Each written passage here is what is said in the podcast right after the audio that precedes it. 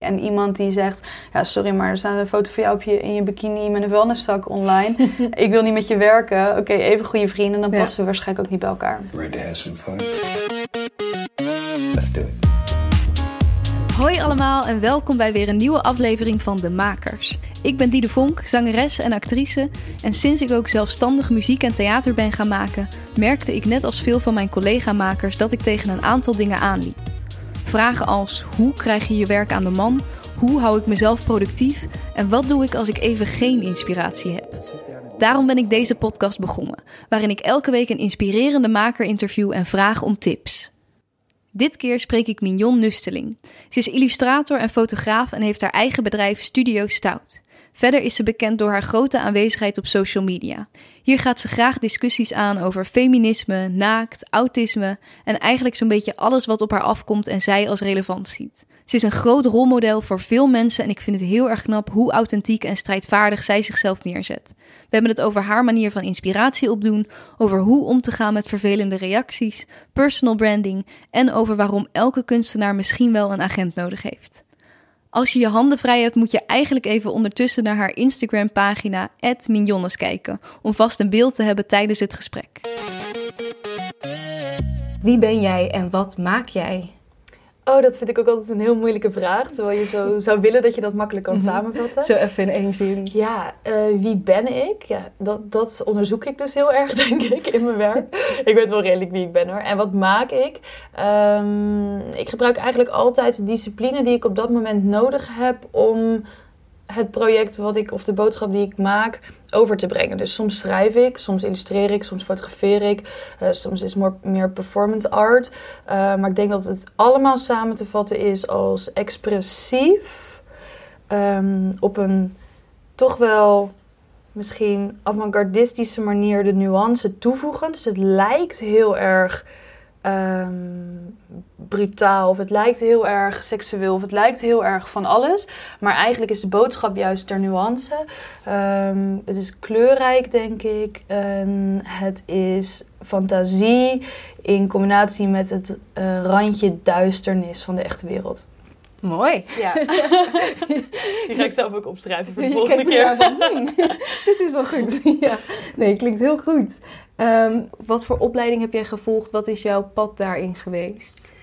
Ik eh, wilde eigenlijk niks creatiefs doen, want ik kom wel uit. Wij mochten allemaal zelf weten wat we wilden hoor in het gezin. Maar ik kom wel een beetje uit een ondernemers- of vastgoed, of in ieder geval een wat, wat concreter eh, milieu. En ik had dus ook bedacht dat ik eh, laborant wilde worden of zo. Dus ik heb Oh. ook eh, NG en T gedaan, natuurkunde en al die vakken. En in, toen ben ik in een soort van. Nou, ik was heel ongelukkig toen in mijn puberteit. En toen ben ik gestopt met school. En toen weer begonnen en toen weer gestopt. En uiteindelijk ben ik, en ik weet niet meer hoe ik daar terecht ben gekomen, visagie gaan doen.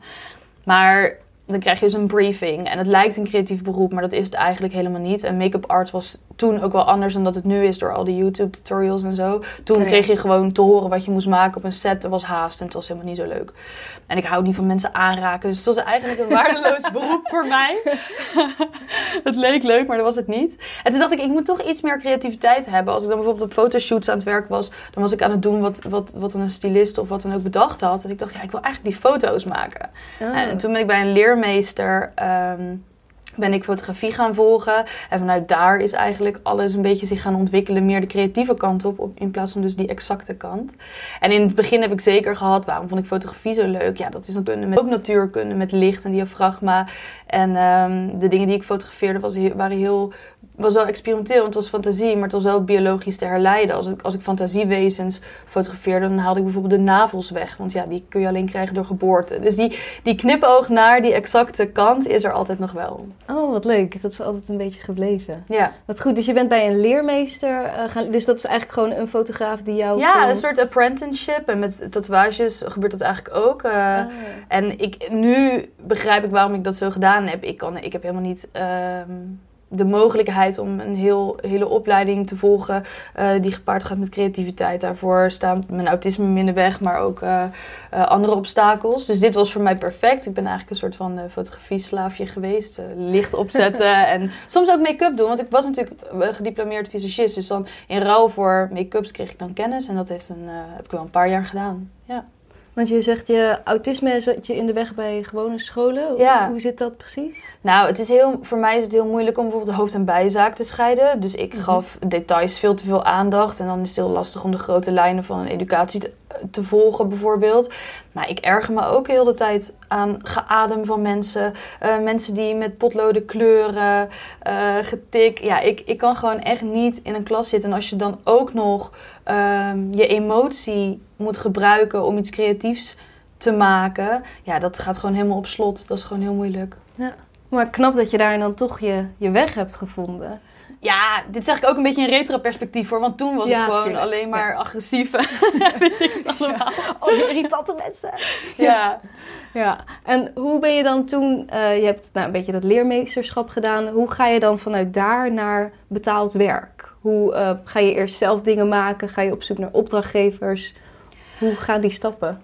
Ik kan iedereen die wil gaan fotograferen waarschuwen uh, dat zodra mensen er lucht van krijgen dat je foto's kunt maken. En zeker op het moment als je een flitset hebt, dus dat het voelt als een, als een soort professionele fotoshoot, dat mensen gebruik van je gaan maken. Dus je zult ontzettend veel. En, en toen ik begon was dat social media nog niet eens zo uh, uh, groot en laagdrempelig als dat het nu is. Toen had je echt je vrienden misschien op internet. Nou, in het begin doe je dat misschien de hele tijd gratis. Zou ik echt iedereen afraden. Nou, dan wordt het misschien een keer 50 euro, een keer 100 euro. Dan vinden mensen je te duur worden. En dan uiteindelijk is er wel een keer een bedrijf, denk ik, die zegt: Oh ja, nee, maar als je foto's moet hebben van uh, weet ik veel wat, dan kunnen we die wel bellen. En dan vanuit daar is het bij mij een beetje. Uh, gaan rollen. En ik heb wel de laatste jaren heel bewust keuzes moeten maken van ja, deze dingen wil ik dus ook echt niet meer doen. Uh, want dat past niet meer bij me. Maar dat was toen goed voor een opstartfase. Dus misschien heeft het je wel wat geholpen dat je toch in het begin een beetje ook gratis dingen bent gaan doen? Um, nou ja, in het begin durfde ik ook gewoon niet zo goed de volle map te vragen, omdat je ook nog aan het leren bent, bijvoorbeeld. Mhm. Maar ik zou nu, als ik een productfoto moet maken van, uh, weet ik veel, er staat hier een flesje water op tafel, dat ik dan zeg: Oké, okay, uh, jij verkoopt die flesjes water bijvoorbeeld. Wil, wil ik er daar foto's van maken? Ja, dat is voor mij ik weet precies hoe dat moet. Daar haal ik zelf geen voldoening uit. Dat is geen mhm. creatief proces. Dat zou ik nooit meer gratis doen. Dat zou ik eigenlijk niet eens meer betaald doen. Want die luxe heb ik inmiddels. Maar uh, dat soort dingen zou ik ook afraden gratis te doen. Want het is gewoon een commercieel product. Maar als, als ik een artistiek ontdekkingstochtje wil maken in een beginfase met iemand, ja, ga lekker met elkaar experimenteren. Dat is een ander Ja, precies. Als je er zelf wat uithaalt, dan, uh, dan kan het. Ja. wat goed en wat leuk om te horen dat je dus nu ook die vrijheid hebt om echt vooral voor de creatieve dingen te gaan. Ja. Kan je daar nu helemaal op richten op je eigen creatieve projecten? Nou, Um, dat is ook nu moeilijk samen te vatten, omdat ik zo verschillende dingen doe. Dus het is niet zo dat ik. Ik maak eigenlijk niet zoveel foto's meer. Ik gebruik het soms nog wel. Ik illustreer denk ik meer. Maar ik ben er ook gewoon als een soort persoon. Dus ik ga dan. Ik geef bijvoorbeeld rondleidingen in musea vanuit de illustraties die ik maak en de visie die ik daarin integreer. Maar ook hoe ik met jongeren praat of wat dan ook. Dus het is, het is, het is veel breder dan dat. Um, en een rondleiding geven in een museum is niet zozeer een creatieve bezigheid natuurlijk. Maar het komt wel voort uit een bepaald uh, creatieve mentaliteit of filosofie die je hebt. Dus je vraag is dan Um, ja, hoe zou ik het samenvatten? Uiteindelijk komt als je in kunst werkt alles wel op creativiteit neer. Maar er mhm. zijn heel veel momenten dat je niet zozeer met dat creëren bezig bent. Op het moment dat je natuurlijk een commercieel... Ja. Uh, laatst heb ik bijvoorbeeld ijsbakjes gemaakt. Soort... Uh, uh, verpakking met, met, met dan mijn tekeningen erop. Ja, heel veel is ook briefings lezen of communicatie met de klant of uh, dingen uitmeten. Um, en ik zou misschien wel iets heel geks op zo'n ijsbakje zetten, wat commercieel niet handig is. Dus mm -hmm. ja, het gaat altijd hand in hand met elkaar. Ja, precies. En um, hoe ga jij dan te werk? Hoe ziet een gemiddelde dag voor jou eruit? Bestaat er iets als een gemiddelde dag voor jou? Uh, tot op zekere hoogte, denk ik. Uh, omdat ik zoveel verschillende dingen doe, kan het zijn dat ik de ene dag... Uh, nee, bijvoorbeeld eergisteren was ik bij een popgala. Dus toen moest ik een prijs uitreiken in, in een uh, mooie pak. En een andere keer mag ik uh, ja, die ijsbakjes bijvoorbeeld maken. Of een schilderij van iemand. Of uh, een rondleiding geven in een museum. Dus is er een typische dag? Dat niet per se. Maar als het dan om werkproces gaat, dan... Ik sta altijd wel vroeg op. Dan ben ik wel het lijkt wel alsof mijn hersenen dan nog niet doorhebben dat ik aan het werk ben. Dus dan kan ik al die rotklusjes doen als e-mail beantwoorden en uh, administratie en bonnetjes en zo. En daarna, ja, meestal, ik ben wel heel georganiseerd. Als je zo rondkijkt in mijn atelier hier, dan overal is alles is genummerd en gestickerd en uh, gelabeld. En ik maak altijd lijstjes van alles wat ik nog moet doen. Dus ik werk wel door veel dingen tegelijk of zo. Ik ben met veel dingen tegelijk bezig. Maar alles is wel gedocumenteerd en ik hou alles goed bij. Typische dag is er dus niet per se. Ja, ik, nee, ik probeer nu te na te denken waar ik kijk, ik kijk gewoon. Nou, het is wel, ik hou wel rekening met mijn workflow. Dus ik ga mezelf niet dwingen om van 9 tot 5 te werken. Ik werk dus vaak vanaf 8 uur s ochtends. En vaak is dat ook tot 8 uur s avonds. Maar het kan best wel zijn dat ik dan twee uur heb zitten lunchen ergens uh, in Antwerpen tussendoor, bij wijze van ah, spreken. Als het even niet lukt, dan ga ik wel iets doen waarvan ik denk: oh ja, hier gaat, hierdoor gaat het wel lukken. Want ja, als je je werk commercialiseert, dan moet je soms gewoon presteren op bepaalde tijdstippen. Ook al kun je niet. Ja, dan, daar moet je wel omheen leren plannen. Dat kan ik nu, sinds twee jaar lukt me dat wel goed. Nou ja. ja, dus dat je niet kan zitten wachten tot de inspiratie komt of iets. Maar dat je dus wel echt aan het werk moet. Ja. Voor die commerciële zaken. Nou, maar ook, de, ook dat kun je dan niet helemaal afdwingen. Ik moest een concept verzinnen voor uh, een museum. Uh, hoe we aan een oudere generatie de nieuwe generatie door middel van kunst kunnen uitleggen. En ik, ik zei een beetje makkelijk tegen hen: Oh ja, nee, ik mail volgende week wel. Mhm. ja, en zo tegen het einde van die week dacht ik: Ja, ik ik heb nog niks bedacht en het lukt niet. En meestal krijg ik gewoon zo'n ingeving. En ik was boeken aan het lezen en ik was aan het brainstormen. Maar het, het, op een gegeven moment, ik moet zo'n Eureka-moment hebben. En die mhm. kwam er niet en die kwam er niet. En toevallig, vanochtend, liep ik hier naartoe, naar mijn atelier. en toen dacht ik, oh, zou het niet leuk zijn als... Oh ja, dat is het. En dan kan ik het zo mailen. Maar die opdrachtgever, die ziet gewoon dat mailtje voor de deadline. Die heeft geen idee welke stress of welke research daarvoor af is gegaan. Want ja, je kan soms gewoon inspiratie of geniale ideeën kun je niet afdwingen. Nee, nee bij jezelf. Precies. En ja, hoe, wat doe je dan als je in je atelier zit en je weet, ik, ik moet nu iets maken, maar het komt niet, het lukt niet? Uh, ja, mijn atelier zie ik ook zeker niet als de plek waar dan die goede ideeën gaan komen. Dat is, ik zie dit wel echt veel meer als de fabriek en waar die goede ideeën dan komen. Dat, dat kan overal zijn. Dat kan uh, uh, van in het bos zijn tot...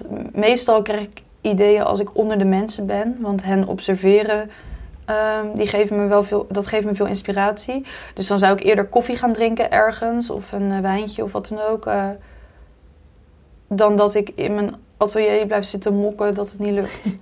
oh, dat is wel mooi. Ja, gewoon echt even eruit dan juist. En uh, onder de mensen zijn. Dus je haalt ook veel inspiratie uit andere mensen. Ja, zeker. Ik haal eigenlijk altijd alle inspiratie wel uit, dingen die ik zie. Dus ik mhm. analyseer alles wel wat er gebeurt. En dat, dat wat ik net al zei over autisme bijvoorbeeld. Ja, ik kan hoofd- en bijzaak niet goed scheiden. Dus gisteren zat ik in een restaurant met hele lelijke tafelkleedjes. En het zag er echt niet uit. um, En dat, dat krijgt zoveel voorrang in mijn hoofd. Mhm. Bijvoorbeeld de kleur van de muur, welke kleur dat zou zijn, hoe ze die hebben uitgekozen, uh, waarom ze die hebben uitgekozen. hebben ze dat laten mengen of was het in de aanbieding? Waarom zou je deze kleur kiezen? Uh, waarom hangt dat, weet je, als schilderijtjes scheef? Ik, ik, ja, in plaats van dat ik, ik proef dan niet eens wat ik zit te eten, omdat ik gewoon die zintuigen niet ah, tegelijk kan gebruiken bijna. En dan ben ik nu nog steeds met dat tafelkleed en die muur bezig. en, dat, en ik heb nu wel een idee van wat ik dan zou willen schilderen daarmee. Mhm. Dus ja, ik denk, je moet niet ik geloof ook niet zo in stamkroegen. Weet je, soms hoor je wel van die kunstenaars, die hebben dan een stamkroeg en daar hebben ze dit geschreven en dat. Dat is prima als dat voor hen werkt, maar ik moet juist naar heel veel verschillende plekken. Ik moet verschrikkelijke plekken opzoeken. Ongezellige restaurants, ongezellige cafés, die vind ik echt heerlijk. Want daar kom je allemaal mensen tegen die buiten jouw comfortzone liggen of buiten jouw referentiekader. Ja, en dat inspireert me het meest, ja. ja mooi. Dus ook eigenlijk omdat jouw hersenen misschien dan net anders werken helpt dat, maakt het jou misschien ook weer meer een kunstenaar? Nou, of het me meer een kunstenaar maakt, zou ik niet willen zeggen. Want iedereen zet natuurlijk zijn eigen kracht of zwaktes juist in om, om te maken wat hij maakt. Ehm, ik denk, jij vertelde me dat je actrice bent. Ik denk dat jij heel erg nare emoties soms moet herleven om iets geloofwaardig te kunnen spelen. Ja, daar zou ik absoluut geen ruimte aan kunnen geven uh, in verband met mijn eigen emotiehuishouding. Dus dat maakt jou een ander soort kunstenaar natuurlijk. Ja, zeker. Um, dus maakt mij dat een betere. In, voor wat ik doe, maakt me dat wel um, het best in waar ik voor gekozen heb. Omdat die details zijn juist de dingen uh, die denk ik mijn werk dan aantrekkelijk maken of wat dan ook. Ja, dat bedoel ik misschien ja. meer. Dat het jou, ja, dat is wat uniek is aan jou en dat kan je daardoor ook inzetten ja. in wat je maakt. Ja, misschien. precies. Ja.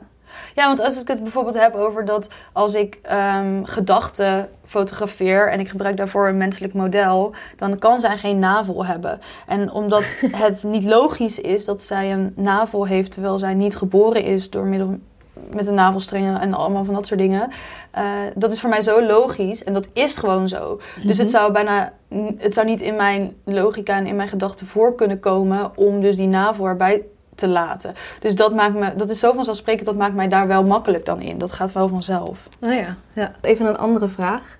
Uh, ik heb jou ook uh, eigenlijk ontdekt via social media. Dat is iets waar heel veel kunstenaars en artiesten nu ook een beetje mee zitten. Van ja, hoe gebruik je dat? En uh, ja, hoe is dat bij jou zo gekomen? Ik, dat dat zo gegroeid is, is eigenlijk een beetje toeval na toeval. Ik zat wel op Instagram, maar ik vond het niet per se heel leuk. Het was, ik kwam wel een beetje in de beginfase dat mensen dan nog foto's van theepotten met filters uploaden, vierkant. En dat het dan zo arty-farty was oh, ja. of zo. En op een gegeven moment kwamen daar ook wel de vakantiefoto's. Dus Facebook was niet leuk meer. Mensen gingen een beetje naar Instagram. Dus ook de vakantiefoto's en zo werden geüpload. En het viel me op dat Instagram echt een hele goede manier was, omdat het zo visueel is, om jezelf dus te profileren. En meisjes gingen dan eh, zogenaamd per ongeluk sexy bij een zwembad poseren en mm -hmm. zo. En dat, dat kwam toen een beetje op. En ik moest daar wel om lachen, omdat het zo anders was dan Facebook. Daar zou je dat niet doen. Opeens was iedereen model, of zo. Tenminste, niet een model, maar iedereen kon zichzelf uploaden op die manier. Want je ouders zaten er nog niet en weet ik het allemaal. En als tegengeluid daarop, want ik denk, ja, je ziet dat dit een soort van per ongeluk sexy is op ja, een heel ja. mooie locatie, ging ik het andersom doen. Dus ik ging expres ontzettend sensueel of seksueel poseren op de allerlelijkste locaties die ik kon vinden. Dus ik ging poseren met vuilniszakken en bij vuilnisbelten en dat soort dingen. En dat werd een beetje opgepikt door mensen die mij niet kenden, want het was een soort grappige content. En vanuit daar, omdat mijn podium wat groeide, um, ben ik steeds meer andere dingen gaan doen. En kwam er wat performance art bij. Dat is nu weer een beetje weggezakt. Nu is het juist weer veel meer. Uh, nou ja, sommige mensen noemen het influencing. Ik vind dat dat een heel negatieve um, imago heeft, dat woord. Mm -hmm. Ondanks dat, dat dat niet hoeft, vind ik. Maar. Uh, dus het, het is heel altijd dynamisch, maar Facebook is, of Instagram is wel zo erg inmiddels geïntegreerd in mijn werk, dat kan ik niet meer wegdenken. Nee. Ja. En hoe begon je, zag je het toen gelijk ook al als een soort kunstproject dat op gekke plekken. Ja, dat was wel, dat was nog wel echt een kunstproject. Mm -hmm. En Instagram was daar ook echt het medium voor. Als ja. in, als ik een tekening zou maken, dan was, was Instagram mijn potlood. Inmiddels niet meer. Inmiddels is mijn, mijn Instagram wel gewoon een account met nog steeds heel veel dingen erop. En nog, ook af en toe nog wel kunst. Maar het account zelf is niet zozeer meer een kunstwerk. Oh ja. En zie je het ook als een soort directe PR voor jouw werk? Mm, dat is voor mij heel lastig. Uh, voor de luisteraar, ik heb twee accounts. Eén, daar post ik echt de tekeningen op en de links naar mijn webshop en weet ik het allemaal. Daar is heel weinig interactie eigenlijk. Uh, maar op zich redelijk volgers, maar, maar er gebeurt gewoon heel weinig. Mensen zien plaatjes. En op mijn andere Instagram-account vlog ik veel meer, praat ik veel, veel meer over mezelf en over wat er speelt in de wereld. En post ik heel af en toe iets van werk. Maar mm-hmm. bijna alle mensen die bijvoorbeeld mijn prints kopen in de webshop komen van mijn persoonlijke account. Omdat oh ja. ze denk ik eerder iets van mij willen, omdat ze mij als persoon tof vinden, dan dat ze... Uh, natuurlijk vinden ze het werk wel mooi, Um, maar die personal branding eromheen heeft voor mij uh, wel heel erg geholpen in mijn verkoop. Ja. Nou oh ja. Dat is ook gek dat het dan dus andersom ja. werkt. Ja, maar dat is wel anders dan bij bedrijven. Als bedrijven mij inhuren, dan mm -hmm. komen ze vaak via het, het tekenaccount oh ja. of het, het werkaccount. En als consumenten iets willen, dan komen ze eigenlijk altijd vanuit mijn persoonlijke account. Ja, en ben je daar dan ook mee bezig als je iets op je persoonlijke account zet dat je denkt, oh ja, dit gaan ook misschien potentiële klanten bekijken? Ehm, nou, ik post best wel soms dingen waar, waarvan mensen zouden zeggen... Nou, als je nog wilt solliciteren is het niet zo handig. Ehm, maar ik ben daar niet mee bezig, nee. Nee. Nee, ik vind het belangrijker en ik ben natuurlijk ook gewoon artiest. Eh, dus ik doe soms dingen waar mensen zich misschien op de een of andere manier eh, door, eh, weet ik veel, aangestoten voelen of wat dan ook. Dat hoort erbij. Maar dat zou nooit gaan over. ik, ik, ik uit me nooit per se politiek over welke kleur ik stem. Of ik uit me nooit over. Ehm, negatief over mensen. Dat vind ik allemaal veel belangrijker dan of ik een half naaktfoto post. Ik vind het Ja. belangrijker dat je ethisch en moralistisch een goed persoon bent dan of je bikinifoto's online hebt staan. Maar dat is Ja. mijn, dat is mijn ehm, moreel. Dus eh, elke opdrachtgever die daarop wil aanhaken, die past ook bij mij. En iemand die zegt, ja sorry, maar er staat een foto van jou op je, in je bikini met een wellnesszak online. ik wil niet met je werken. Oké, even goede vrienden, dan Ja. passen we waarschijnlijk ook niet bij elkaar. Precies, dan, eh, ja, Ja. dan snappen ze misschien ook niet helemaal wat jij wil Nee, zeggen of maken. En achteraf denk ik, ik heb me vroeger veel meer aangepast. Was dat dan de manier?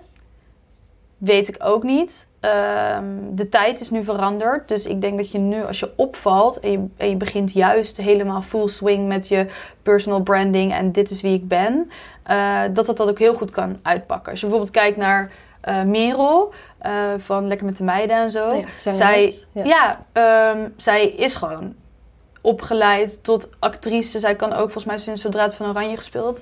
Ehm, dan, is het, dan is het een actrice eh, die waarschijnlijk alles kan spelen. Maar Mhm. toen kwam haar muziek met al die personal branding, met al die gekke pakjes en weet ik het allemaal. En toen werd ze heel snel heel groot opgepikt, ook omdat ze gekke teksten schrijft. Dus andersom werkt het nu in dit internettijdperk ook heel goed, denk ik. Misschien je moet kijken of je dat durft. Hè?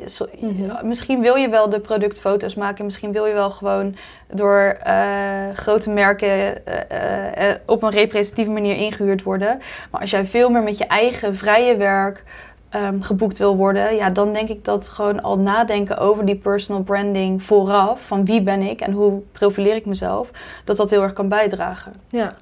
Hoewel je daar natuurlijk ook eh, soort van, eh, als het te bedacht wordt, werkt het denk ik ook niet. Nee, Want ik denk niet dat Merel misschien heel erg bezig is met dat vinden mensen leuk of zo, zo'n typetje. Dus dat ga ik soort van naar buiten brengen. ik denk niet dat zij heeft nagedacht van dit vinden mensen per se leuk, Nee. maar wel dit vind ik leuk, dus dat ja, doe ik. precies. Ja. ja. En dat past wel allemaal bij elkaar. Het Ja. is niet dat ze de ene dag, ze heeft altijd die felle kleuren aan en die beetje sportief Ja, niet. Dus dat is wel een stijl. Ja. En ze heeft er wel voor gekozen. Ik ga over ehm, eh, bepaalde dingen zingen. En nu is er een nieuw nummer met eh Hou je bek en bef. Maar ja, ze kiest er wel voor om dat als derde single te doen. Ja. En ze had ook kunnen denken, oh ik doe iets moois, uh, Maaike Oudboter gevoeligs of zo. Dus het is, het is wel een keuze, zeker. Ja, dat is zeker waar.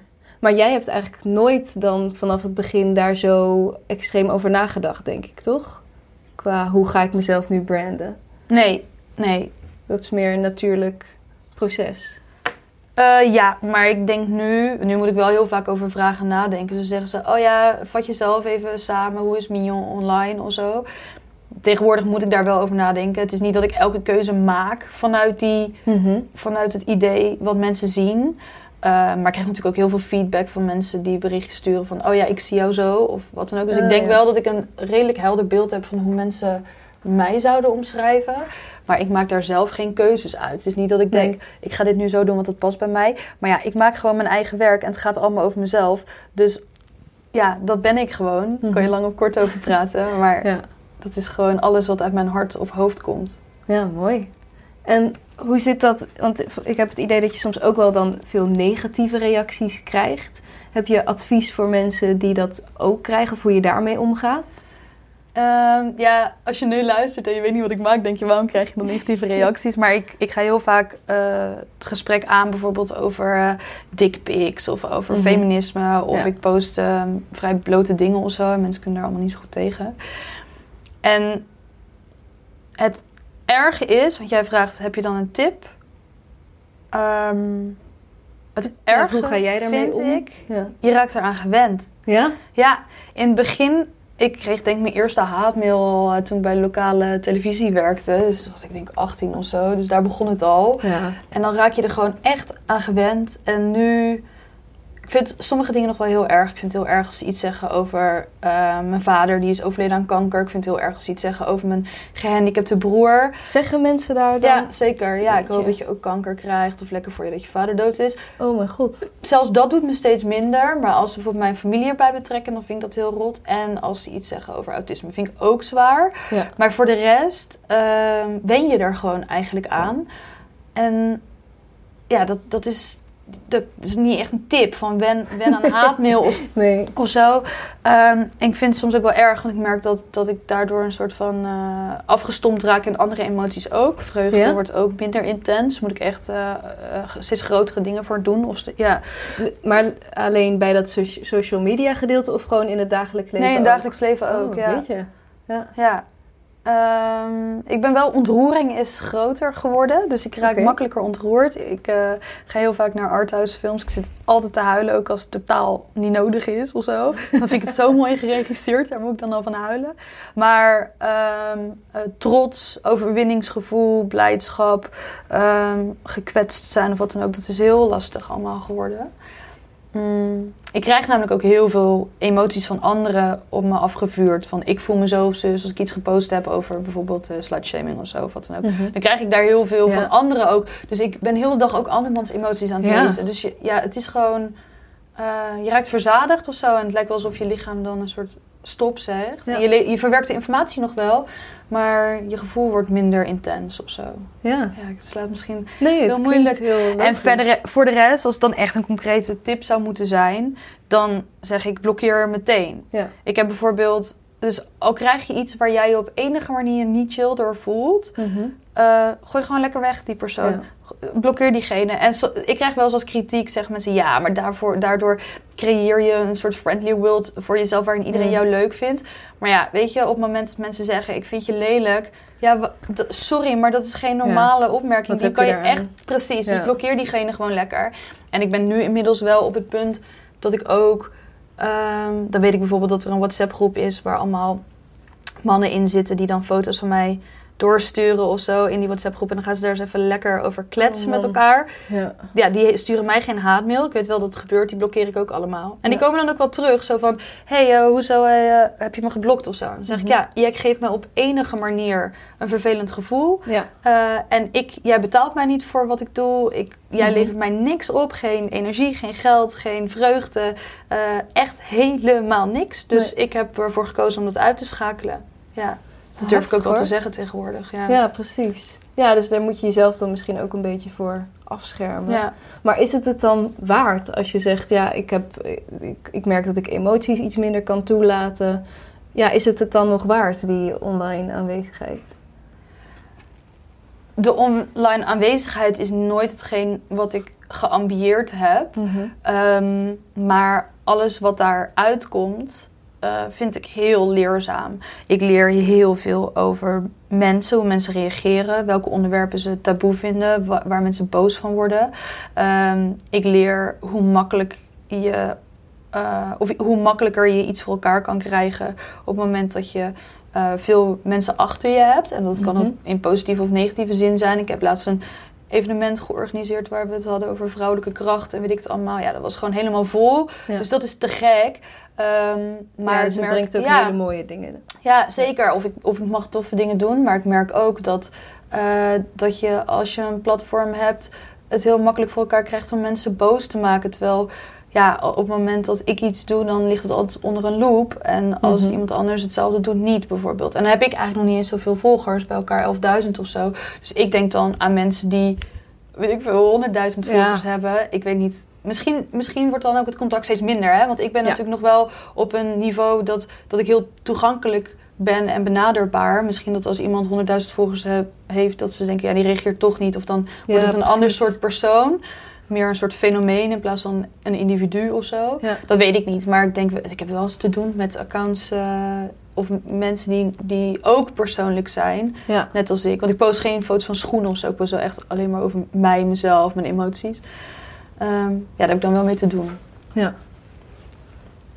Maar ook, ik heb ook te doen met mensen die op moeten groeien in deze tijd.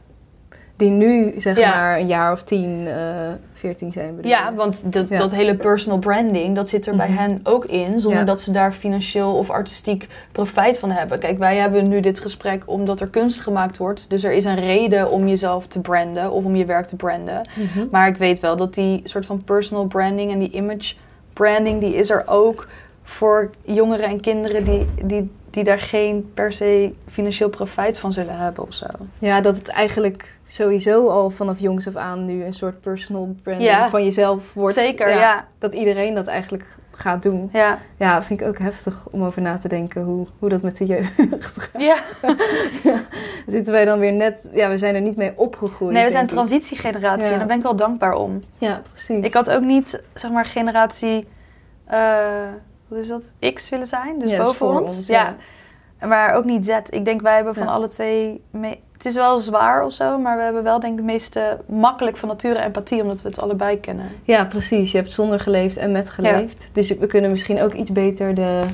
Ja, we kunnen het relativeren, zeg maar. Ja, denk ik wel. Ja, mooi. En eh, heb je nog een advies voor jonge eh, illustratoren, fotografen, schrijvers die nu denken: ja, ik wil eigenlijk ook een beetje die kant op die zij op is gegaan?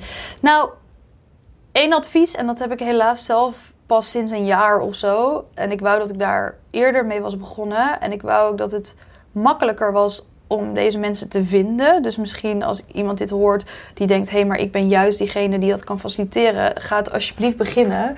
Ehm, want waar ben ik goed in? Ik kan eh, tekenen en ik kan fotograferen. En ik ben echt wel... Ik kan ook mezelf wel uitleggen. Dat heb ik gelukkig ook nog wel mee.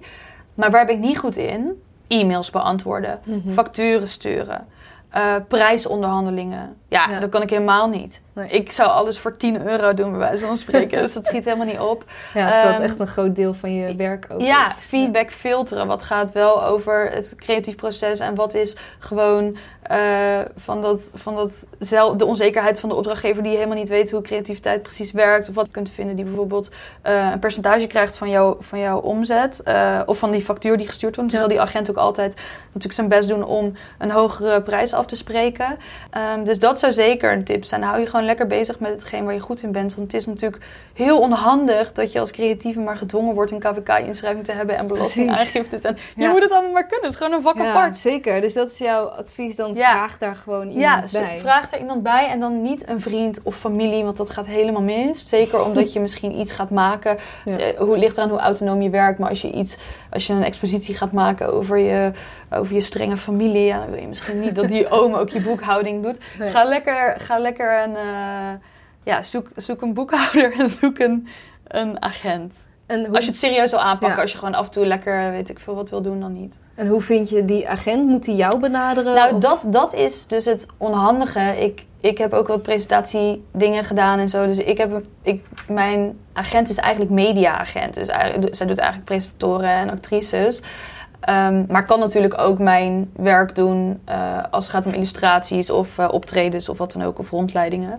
Dus ehm, ik had het geluk dat, dat het er ingegroeid is. Maar ik zat wel te denken, stel dat zij eh ermee op zou houden, dan zou ik wel nadenken: oh, waar vind ik een agent die mij kan representeren en in performance art en in eh media dingen en voor Ja. tv en voor illustraties. Dat is wel lastig. Maar ehm, ja, daarom hoop ik dat het, dat het gewoon... Weet je, die agentschappen zijn voor acteurs en ook voor beginnend zo gangbaar. Dan moet- Dit moet, Mhm. dit moet echt voor, ook voor andere creatieven anders. Ja, inderdaad. Ja. Het is eigenlijk een soort van eh, oproepje. Dat, dat is volgens mij best wel een gat in de markt. Ja. Een goede agentschap. En ik ben er heel slecht in, zei ik al, dus ik ga het niet doen. Nee. Maar ik zou heel graag willen dat ik het zelf Ja. bijna zou kunnen opstarten. Omdat het echt, het kan zoveel betekenen voor, eh, voor mensen. Ja. En zeker omdat je dan ook kruisbestuivingen kan realiseren. Eh, Weet ik veel. eh, er was hier vanochtend was een kunstenares en zij werkte in het textiel. En zij had iemand ontdekt die katoen maakt zelf. Ja, als je dat alle twee in je portefeuille hebt, dan kan je geweldige projecten Ja. maken. En het hoeft niet, maar er kan zoveel of zo. En dat netwerk moet gewoon wat, eh, ja... Kom allemaal uit die rare zolderkamertjes. Het, moet, het, mag wel- Ja, precies. het hoeft niet gecommercialiseerd te worden, maar het mag wel gewoon wat helderder of zo voor mij. Mhm. Ja, dat je meer weet waar je aan toe bent. En Ja. dat je elkaar kunt vinden. En, Ja. eh, ja. Nou, mooi. Goed uh, om mee af te sluiten, denk ik. Hey, uh, heel erg bedankt voor je gesprek. Dankjewel. Dat was Mignon Nusteling. Ik vond het zelf best wel heftig om te horen dat ze het gevoel heeft dat een aantal emoties wat vlakker zijn geworden door de hoeveelheid aan heftige berichten die ze krijgt. Ergens natuurlijk ook heel logisch, maar wel goed om weer even stil te staan bij hoeveel zoiets teweeg kan brengen. Door haar autisme kijkt ze misschien anders naar de wereld, maar dit maakt haar ook echt een hele unieke kunstenares. Ik vind het te gek hoe ze voor zichzelf en alles wat zij als onrechtvaardig ziet opkomt. Ze volgt echt haar eigen weg. Het is misschien een beetje heden door love it, waardoor sommige opdrachtgevers haar minder gauw zullen vragen, maar tegelijkertijd onderscheidt ze zich juist en zullen andere opdrachten wel weer sneller op haar pad komen. Volgens mij kent ze zichzelf heel goed en weet ze daardoor ook waar ze wel en niet sterk in is.